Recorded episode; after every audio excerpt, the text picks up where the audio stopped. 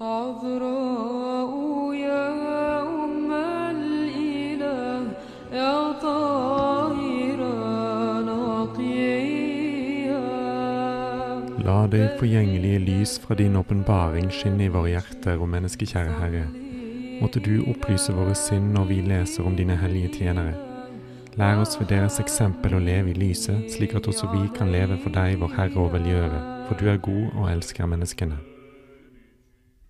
Den 29. august minnes vi den hellige og herliggjorte profeten og forløperen Johannes døperens martyrium. I mange ortodokse land spiser man uten fat og uten kniver, til minne om eh, hans dødsdag.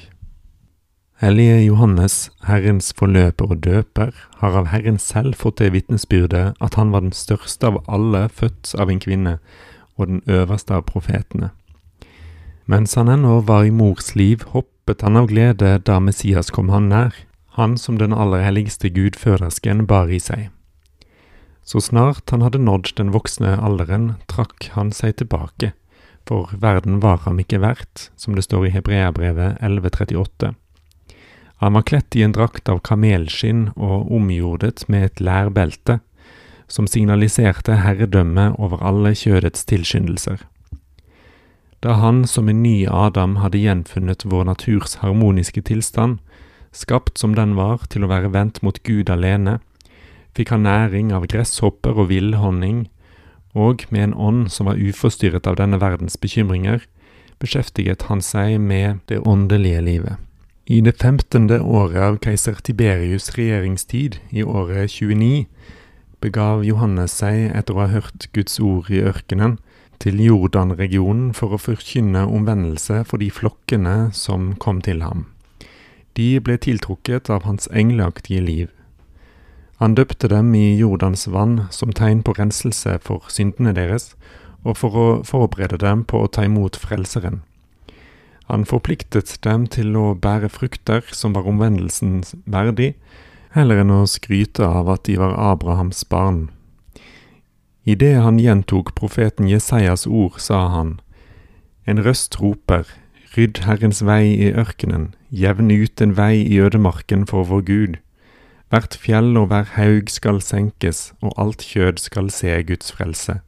Jesaja kapittel 40 vers 3-5. Da folket spurte seg selv om ikke han var den frelseren som i mange slekter var ventet, sa Johannes til dem, Jeg er den som døper dere med vann, men det kommer en som er større enn jeg, han skal døpe dere med ild og Den hellige ånd. Hans renhet og hans kjærlighet til jomfrueligheten var så stor at han ble regnet verdig til ikke bare å se Frelseren, som han var innsatt til å være forløper for, men også til å døpe han i Jordan og bli vitne til åpenbarelsen av den hellige treenighet. Hellige Johannes grunnet uopphørlig på Guds ord, og anså alt i denne verden som underordnet i forhold til det å overholde Guds lov, og hans liv var den fullkomne virkeliggjørelse av dette.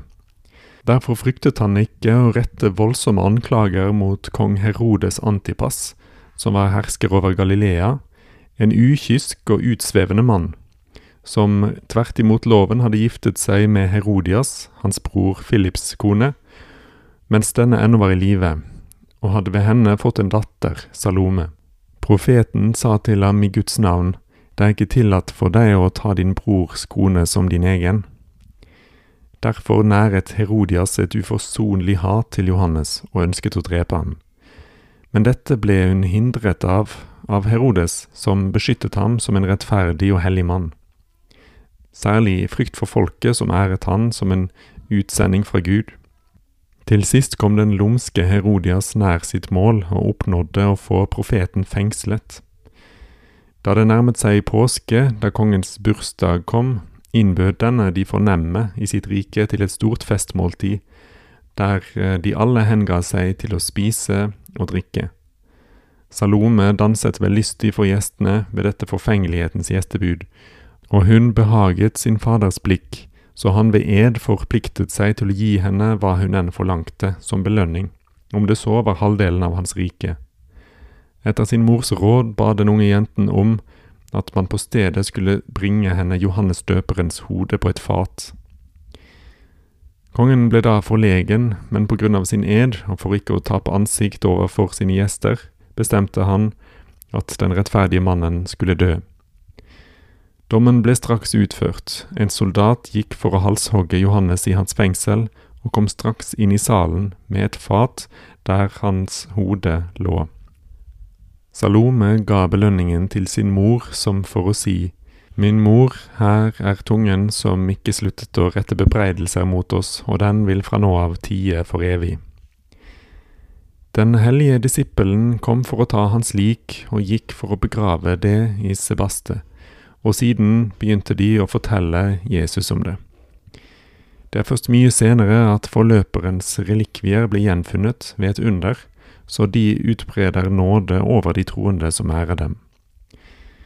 Denne blodige gjerningen syntes å være tillatt av Gud for at hellige Johannes døper, etter at han hadde vært forløper for Kristus, på jorden skulle være det også i dødsriket og komme for å forkynne for de rettferdige døde, som ventet på oppstandelsen, at Messias snart ville komme han som ved sitt kors ville sprenge helvetes porter og låser. Både ved sitt liv og sin død fortsetter Johannes døperen for de kristne å være både profet og mester i det åndelige livet. Ved sitt uklanderlige liv lærer han også å kjempe inntil døden imot synden, ikke bare for rettferdighetens skyld og for å overholde Guds lov, men også for å gå fram i dyd og for å oppnå hjertets renhet. Enhver samvittighet som ved å betrakte Guds lov blir bedre, er også en som lik Johannes forløperen baner en vei for Herren i sin egen angerfulle sjel, og slik lærer å kjenne frelsen fra vår Gud.